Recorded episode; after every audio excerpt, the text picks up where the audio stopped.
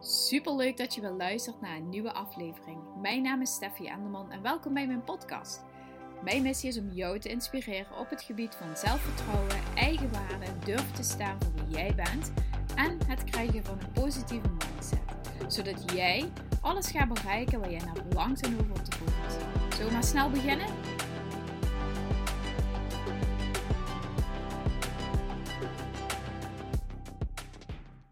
Hey, wat leuk dat je luistert naar een nieuwe aflevering. Ik wil het met jou vandaag gaan hebben over een persoonlijk onderwerp en ook over een onderwerp wat ehm, ja, misschien niet gemakkelijk is en ook niet voor iedereen even fijn is om te horen of um, in die zin bepaalde emoties kan oproepen en uh, bepaalde gevoelens en gedachten. Dus ik wil er heel voorzichtig mee omgaan en ook um, het zien als een kwetsbaar onderwerp, omdat het ook zeker niet voor iedereen even vanzelfsprekend is. En ook omdat, ehm, ja, ik weet dat um, bij mij heeft het ook een hele grote reis doorgemaakt. Maar ik ben me zeker bewust ervan dat het niet vanzelfsprekend is dat bij iedereen dit zo gaat. En ook niet vanzelfsprekend is dat iedereen uh, ja, hiermee, hier, uh, ja, hierdoor gegund is. Dus als deze aflevering niet voor jou is, ben ik daar zeker weten helemaal oké mee. Als deze aflevering wel voor jou is, dan luister zeker verder.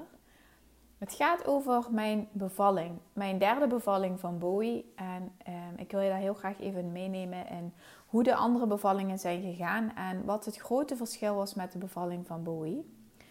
Um, en hoe eigenlijk ik die bevalling, hoe, wat ik heb veranderd en hoe die bevalling zo mooi is geweest en um, waar ik vandaan kom. En ik denk dat uh, mijn hele reis, het ontstaan van de Zelfliefde Academy, bij wijze van spreken zelfs gekoppeld kan worden aan uh, de zwangerschappen. Wat ik iedere zwangerschap heel duidelijk heb gevoeld, uh, bij Maals trouwens niet, is dat ik heel erg ingetuned ben op mezelf. Is dat ik los ben van de wereld, alsof je een soort van ja, tussengebied bent tussen ja, niet hemel en aarde, maar je bent niet helemaal hier. Je bent heel erg bezig met je kindje in je buik, met de aanstaande moederschap en het ouderschap en een kindje op de wereld zetten. De energieën stromen alle kanten op. Het lijkt alsof je heel open staat. Uh, ik was ook heel gevoelig, stond niet echt open voor echt, echt contact met andere mensen. Ik was heel erg in mezelf gekeerd. En um, daardoor merkte ik ook dat het um, heel erg moeilijk is om op een bepaalde manier verbinding te zoeken met andere mensen.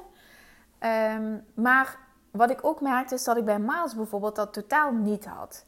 Uh, ik werkte toen bij een GGZ-kliniek in Zuid-Limburg en er waren um, heel veel vrouwen waren er zwanger, jonge moeders, jonge meiden die daar allemaal werkten.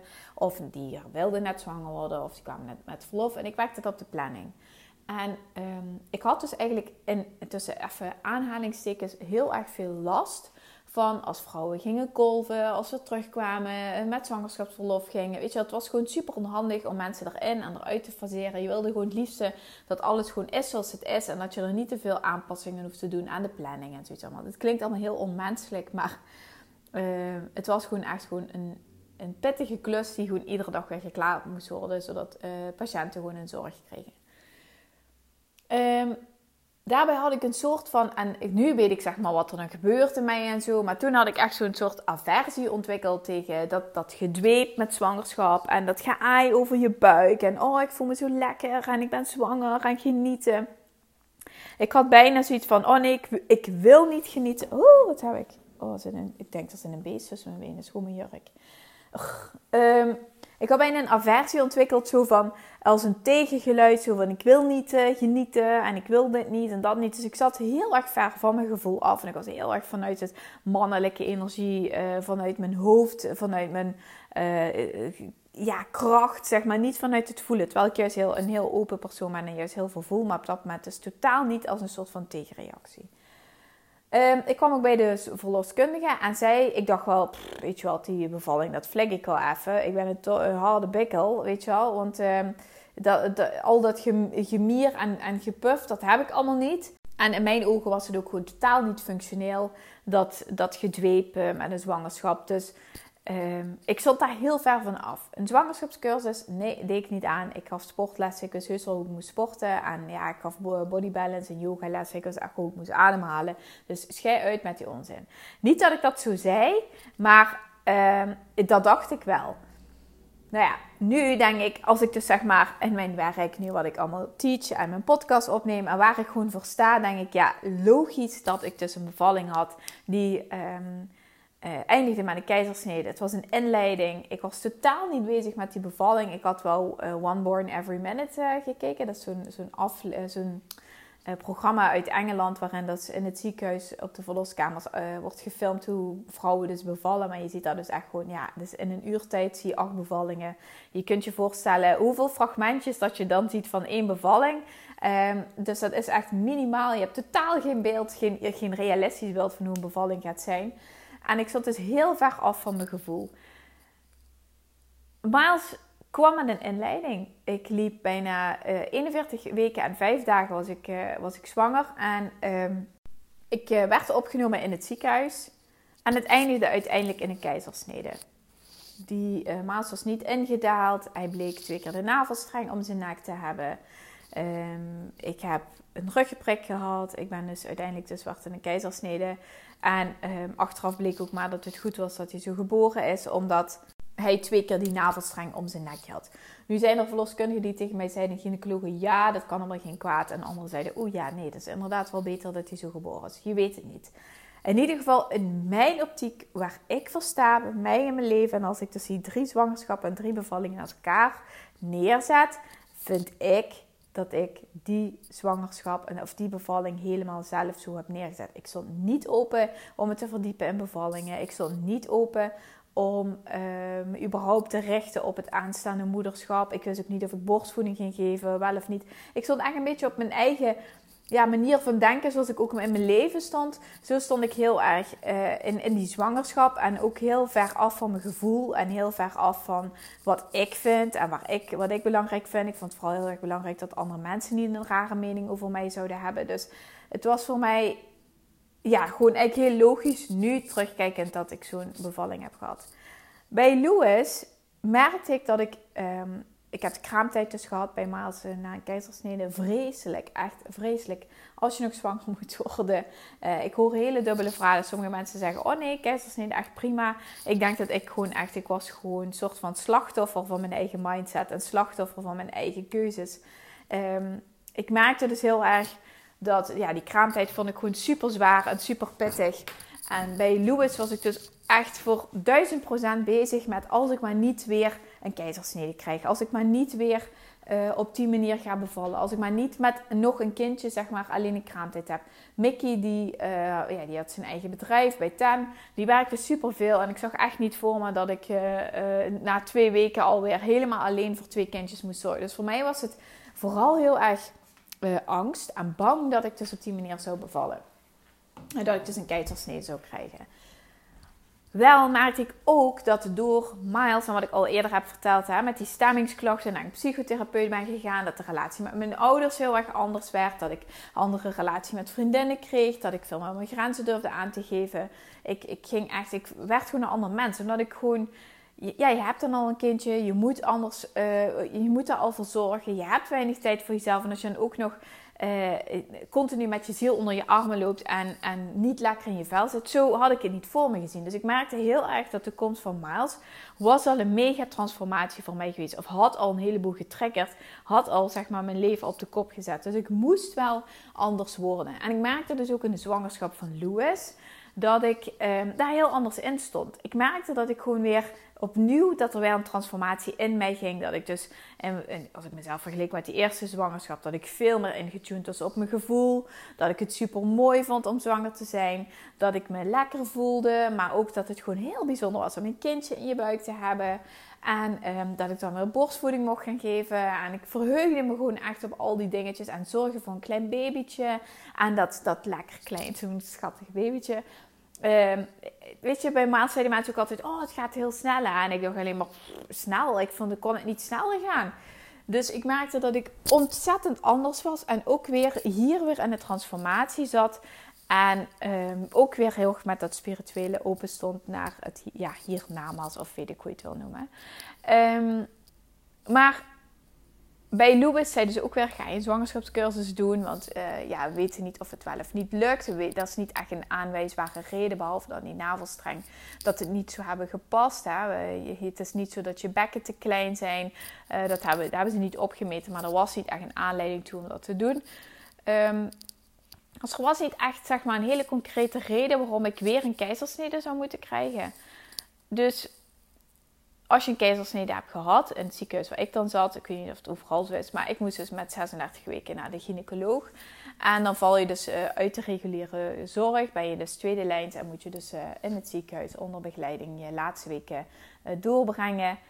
Ehm, of doorbrengen onder controle bij de gynaecoloog. En dan uiteindelijk dus hopen dat je dus uiteindelijk zelf kan bevallen. Maar het moet wel in het ziekenhuis, omdat ik dus dat litteken al had van een keizersnede. Nou, die gynaecoloog die zei al vrij snel, ik geloof met week 36 of week 37, van ja, uh, vorige keer ben je over tijd gegaan. Uh, we gaan toch alvast een keizersnede plannen. Mocht het zo zijn dat het niet spontaan begint, want dat was vorige keer ook niet, dan hebben we alvast een plekje gereserveerd en dan uh, ja, kun je een keizersnede krijgen. En, want inleiden, dat is helemaal niet zo wenselijk met een keizersnede. dus dat werd mij allemaal verteld. En toen dacht ik, shit, ja, nu moet ik dus inderdaad uh, eraan geloven. Ehm, ja, nou ja, dan heb ik hier geen keuze in. Het is niet voor mij weggelegd. Het was echt een stukje rouw bijna. Ik ging naar uh, bureau opname, of wat is dat? Bureau OK-planning, weet ik veel. En het ziekenhuis, in ieder geval, ik stond er echt keihard te janken. En die man of vrouw achter de balie keek me echt aan van... Ik geloof vrouw. Ja. Die keek me echt aan van meid, waarom ben je het huilen? Doe normaal. Het is een ziekenhuis. Wat zit je nou te huilen? Je krijgt een keizersnede gepland. Wat zit je nou te huilen? Die begreep er echt totaal helemaal niks van. Um, maar ja, nu, nu, nou goed, maar niet uit. Um, dus ja, die OK was gepland en ik ging echt als een gek allerlei filmpjes op YouTube kijken. Want ook Louis was nog niet ingedaald, zat nog niet in de bekken vast, weet je wel. Er waren allemaal weer van die aanwijzingen dat ik dacht van shit, weet je wel, dadelijk heb ik toch uh, weer hetzelfde als bij Lou, bij Maals en dat wil ik niet. En ja, ik was gewoon heel bang voor. Dus ik ging als een gek thuis allemaal filmpjes kijken op YouTube met oefeningen en dingen lezen die ik kon doen. En echt een beetje hier in mijn eentje, zeg maar, allerlei dingen doen. Wandelen, weet ik veel wat, om ervoor te zorgen dat hij zou indalen en dat het ook spontaan zou beginnen. Maar als gevolg dat mijn OK stond volgens mij gepland, drie dagen later of zo, of een week later, drie, vier dagen, ik weet het niet meer in ieder geval, um, Louis werd geboren voor 41 weken. Dus 40 weken en 5 dagen of zo. Het begon allemaal uh, spontaan. Uh, thuis, geloof ik. Ja, thuis. Het begon, ja, het begon gewoon spontaan. Um, en ik ging naar het ziekenhuis. Maar eigenlijk echt al in de auto dat ik dacht van... Oh, ik kan het niet en ik kan het niet. En het doet zo'n pijn. En weet je, dat je helemaal zo in het verzet gaat. In de weerstand. En uh, al vrij snel dat ik ook op de gang liep. En uh, met de lift omhoog. En ik dacht echt van... Oh, moet ik dit gaan doen? Weet je wel. Um, dus al heel snel kwam daar een ruggenprik, wat ook gewoon echt de hel is als je weeën hebt en je moet zoveel overbukken en je hebt fucking veel pijn en je moet dan eens zo'n spuit in je rug krijgen. Je moet stilzitten, want ze moeten niet misprikken. En, oh, en dan duurt het ook nog even, dan ga je terug, dan heb je dus die spuit in je rug en dan duurt het even voordat je dus weer terug naar boven gaat, naar, uh, voordat het ook begint te werken. Um, nou ja, dat is dus eigenlijk mijn eerste gewone bevalling geweest. Want ik had natuurlijk al een keizersnede gehad. Dus er was nog niet een baby uitgekomen op de andere manier. Dus het zou volgens het ziekenhuis, dus mijn eerste, zo, zo noemen ze dat, een eerste bevalling zijn. Dus we gingen ook weer opnieuw kijken of het allemaal zou passen. En hoe het met het litteken zou gaan. En ik had natuurlijk die, die ruggenprik. Dus ik lag er echt redelijk ehm, ja, met allerlei toeters en bellen. En, en uh, weet ik het allemaal op mijn rug. En um, al heel snel bleek dus dat het ook gewoon vrij lang duurde. Ik heb geloof ik bijna een uur en drie kwartier gepest, wat best wel lang is. En um, de bevalling zelf heeft bijna ook 18 uur zo geduurd. Nou, ik ging met uh, Louis naar huis en thuis en alles fijn en leuk. We wisten niet echt of we wel of niet een derde willen en wilden. En we gingen verbouwen en zoiets allemaal. Ik ging mijn eigen bedrijf opstarten. En toen was ik in verwachting van de derde. En ik dacht, het, een van de eerste dingen die ik dacht was: kut, ik moet weer bevallen. En ik merkte daar enorm veel weerstand tegen. Ik dacht echt van, ja, weet je, ik wil niet meer het slachtoffer zijn. Zeg maar, ik voelde me heel erg van door het systeem uh, niet goed geïnformeerd. Ik voelde me door de gynaecologen niet uh, weet je, zo heel erg medisch en niet bezig met mijn gevoel. En dat ze er ook geen, uh, geen alertheid op hadden en zo. Dus ik merkte zo van, er moet iets veranderen. Dus ik begon het te, te, bespreken met mijn uh, verloskundige. Eigenlijk al heel vroeg, geloof ik, met 10 weken of 12 weken. En dat ze zei, weet je wat Steffi, wat we kunnen doen... is dat we je al doorverwijzen in het ziekenhuis. En niet pas met week 36... En dat je een afspraak maakt met een gynaecoloog en dat je gaat bespreken wat je graag wil. En hoe je terugkijkt op die vorige bevalling en ehm, wat jouw wensen zijn. En zeg ja, eigenlijk vind ik dat heel gek, maar ja, ik wil dat eigenlijk wel heel graag. Ik vind het heel gek om nu al naar het ziekenhuis te gaan en dat te bespreken. En toen dacht ik van ja, ik heb twee zwangerschappen, twee bevallingen alleen maar gedaan. En alleen maar gedacht, oh, wat zullen de mensen wel niet denken? En uh, andere mensen, en ik moet wel uh, niet te veel vragen en sociaal wenselijk zijn. En ze hebben het al zo druk, weet je wel, dat je niet die veelvragende patiënt wil zijn. En nu dacht ik, ja, uh, scheid, dus mijn bevalling. Ik ga dat mooi doen. Ik weet wat mij te wachten staat. Ik ga niet nog een keer zo'n bevalling hebben. Dus dat was het eerste. Ik maakte daar een hele dikke shift in mijn hoofd. Dat, ik, dat het oké is om te mogen zorgen voor jezelf. Dat het oké is om te, tijd te mogen claimen van iemand anders als jij dat nodig hebt. En dat is niet claimen, maar tijd te mogen vragen. Dat dat oké is, want daar zijn ze überhaupt voor. En um, dat, uh, ik ook een keer prioriteit mag zijn. Snap je? Dat ik in mijn hoofd dacht van ja, maar ze hebben allemaal andere uh, zware casussen. Ik red me wel, weet je wel? Dat je zo, uh, ik wil niet te veel vragend zijn en, uh, mensen ehm, van hun werk afhouden. Toen dacht ik, ja nee, ik mag dat ook een keer zijn. Ik heb al twee bevallingen en ik vind mijn casus legitiem. En dan had ik het bij de eerste gedaan. Hè? Even voor alle duidelijkheid. Als jij nog moet bevallen of wil bevallen of wat dan ook. het is heel legitiem om dit te doen. Dat is helemaal geen helemaal geen reden toe. Of je, hoeft helemaal geen, geen argumentatie te zijn van ja, ben je daar de kind? Is dat pas zo? Maar voor mij was het zo dat ik dacht, ja, ik ben nu uh, bij mijn derde en nu wil ik het echt anders. Dus ik had een gesprek met een vrouw, met een gynaecoloog, die was ook gespecialiseerd in ja, zorg buiten de richtlijnen, geloof ik, of zorg buiten de protocollen. En dan met name over vrouwen die dus na een keizersnede willen bevallen.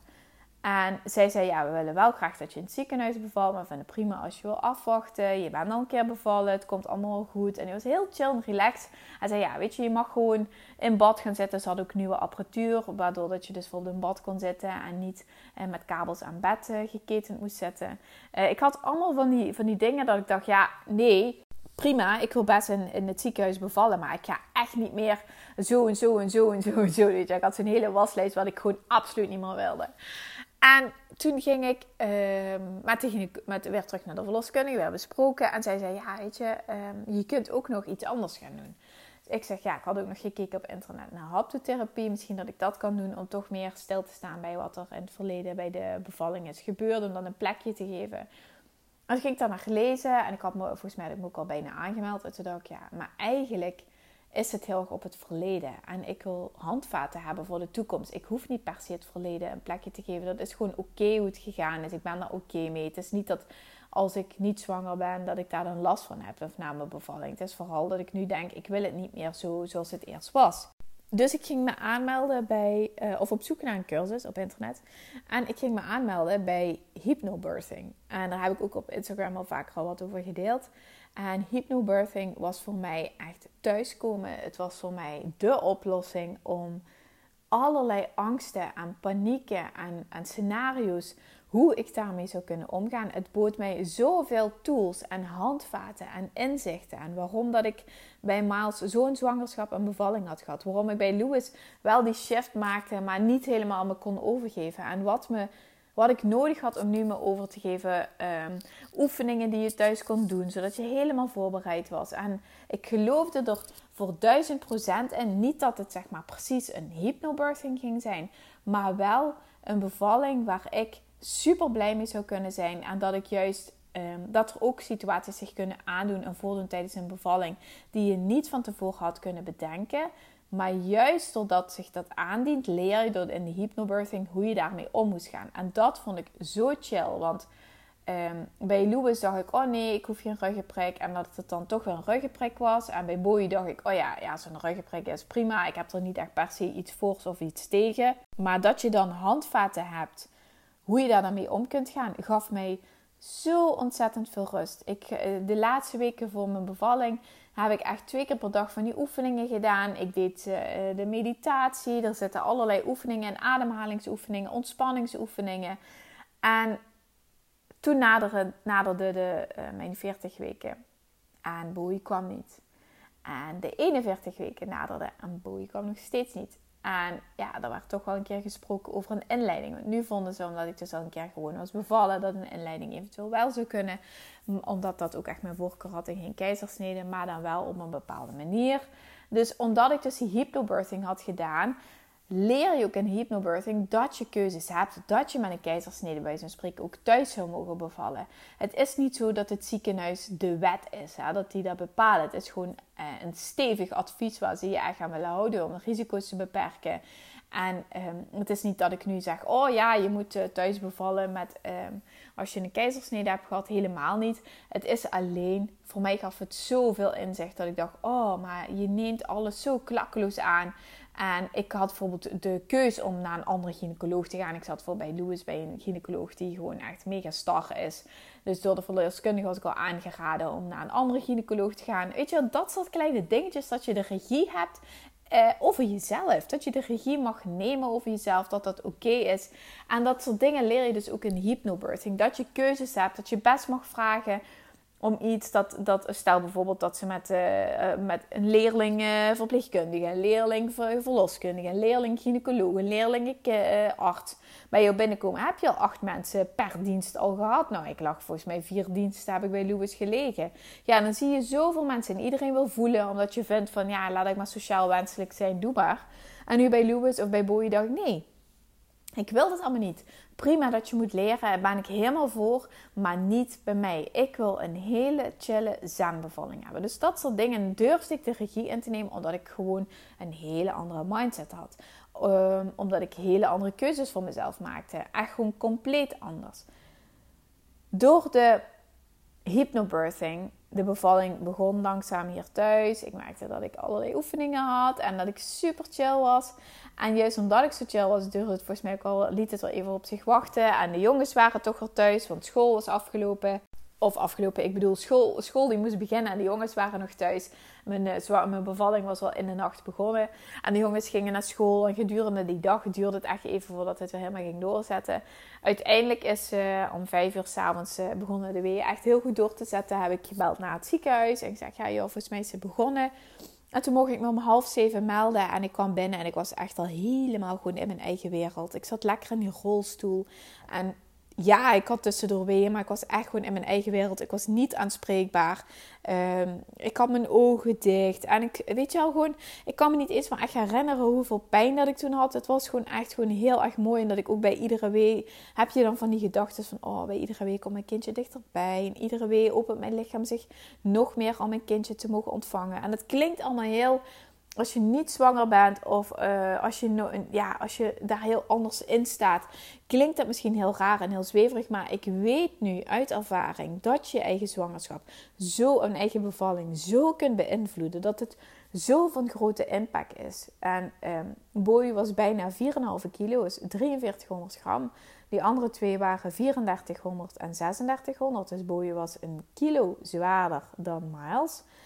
Uh, en het paste gewoon. En Boy is binnen twee uur geboren en binnen tien minuten persen. En ja, hij was de tweede, hij was niet de eerste. Dus ja, de weg al iets vrijgemaakt. Maar um, zonder die mindset switch, zonder dat volledig kunnen ontspannen, zonder dat volledig kunnen openen. Uh, ja, weet je, het, het heeft me zoveel gebracht. En ook zo de bevestiging dat Mindset is de essentie van een chille bevalling. Mindset is de essentie van verandering in je lijf, in je leven. Mindset is de essentie van uh, doelen bereiken, van dromen najagen. En voor de ene uh, doel moet je, uh, moet je dit denken, voor afvallen moet je dat denken, voor je bedrijf op te starten moet je weer andere dingen denken. Um, en het is ook soms zoeken naar de gedachten die jou kunnen helpen. Bijvoorbeeld mij hielp heel erg dat ik tijdens de bevalling dan van die gedachten zat van mijn lijf opent zich. En bij iedere ademhaling en bij iedere week komt mijn kindje dichterbij. Maar ook in de weken daarvoor dat het oké is dat ik voor mezelf mag kiezen. Dat, ik voor, dat, dat, um, dat ik niet alleen verantwoordelijk ben voor mezelf, maar ook voor de gezondheid van mijn kind. En als ik voor mezelf kies en goed voor mezelf zorg, zorg ik ook voor mijn aanstaande kindje wat geboren gaat worden. Weet je, dat soort gedachten helpen dan enorm om ook jezelf uh, toe te staan dat je dit soort dingen mag, mag doen, maar ook om jezelf de ruimte te bieden om daarin te groeien en te ontwikkelen. En daarom weet ik als ik dat dus vergelijk, het is bijna zeg maar vanuit een keizersnede waarin een kindje niet geboren kon worden naar uh, een supermooie bevalling die gewoon binnen twee uur gepiept was. En de lichten waren gedimd. Er was een verpleegkundige en een verloskundige op de kamer en meer niet. En Mickey natuurlijk. En het was zo rustig en zo sereen. En ik heb daar echt heel erg van genoten. En was ook zonder ruggenprik. Ik ben wel gigantisch ingescheurd, maar dat was echt ook helemaal niet erg. Too much information trouwens, sorry. Ehm, dus ja, weet je, mindset is key. Mindset is echt essentie van verandering. En als je ermee aan de slag wil, ik kan het je alleen maar aanraden. Ik bied één op één trajecten aan of kom naar het zelfliefde event op zondag 3 juli. We gaan aan de slag. Je gaat zo hard groeien. Je gaat zo hard door die barrières heen breken al die gedachten wat je nu hebt van ja, maar uh, uh, die ga je allemaal loslaten. En je gaat echt knetterhard groeien de tweede halfjaar van 2022 om jouw doelen en verlangens te bereiken. Als dit is wat je nodig hebt, meld je dan aan. Kom naar het Selfliefde Event, stuur een DM op Insta of op Facebook. En dan zet ik je op de lijst erbij. Tickets kosten 69 euro en ik vind het te gek om je erbij te hebben. Het event is van half elf tot 5 uur. Uh, je kunt uh, hoe heet het? Van half elf beginnen we. Om half uh, twaalf of half één gaan we lekker lunchen. En daarna gaan we in de middag weer verder met allemaal opdrachten. En we sluiten af met een lekkere borrel en een borrelplank.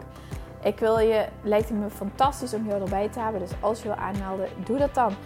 Um, verder wil ik je bedanken voor het luisteren naar deze aflevering. Ik hoop niet dat je van jou... Um, ja, dat je door, door boos bent geworden, verdrietig bent geworden. Als het je heeft geraakt, laat het me dan weten. Het me uh, ja, ik zou het gewoon graag willen weten. Dan kan ik het uh, met je erover hebben. Um, dankjewel in ieder geval voor het luisteren. En ik spreek je morgen weer. Doei!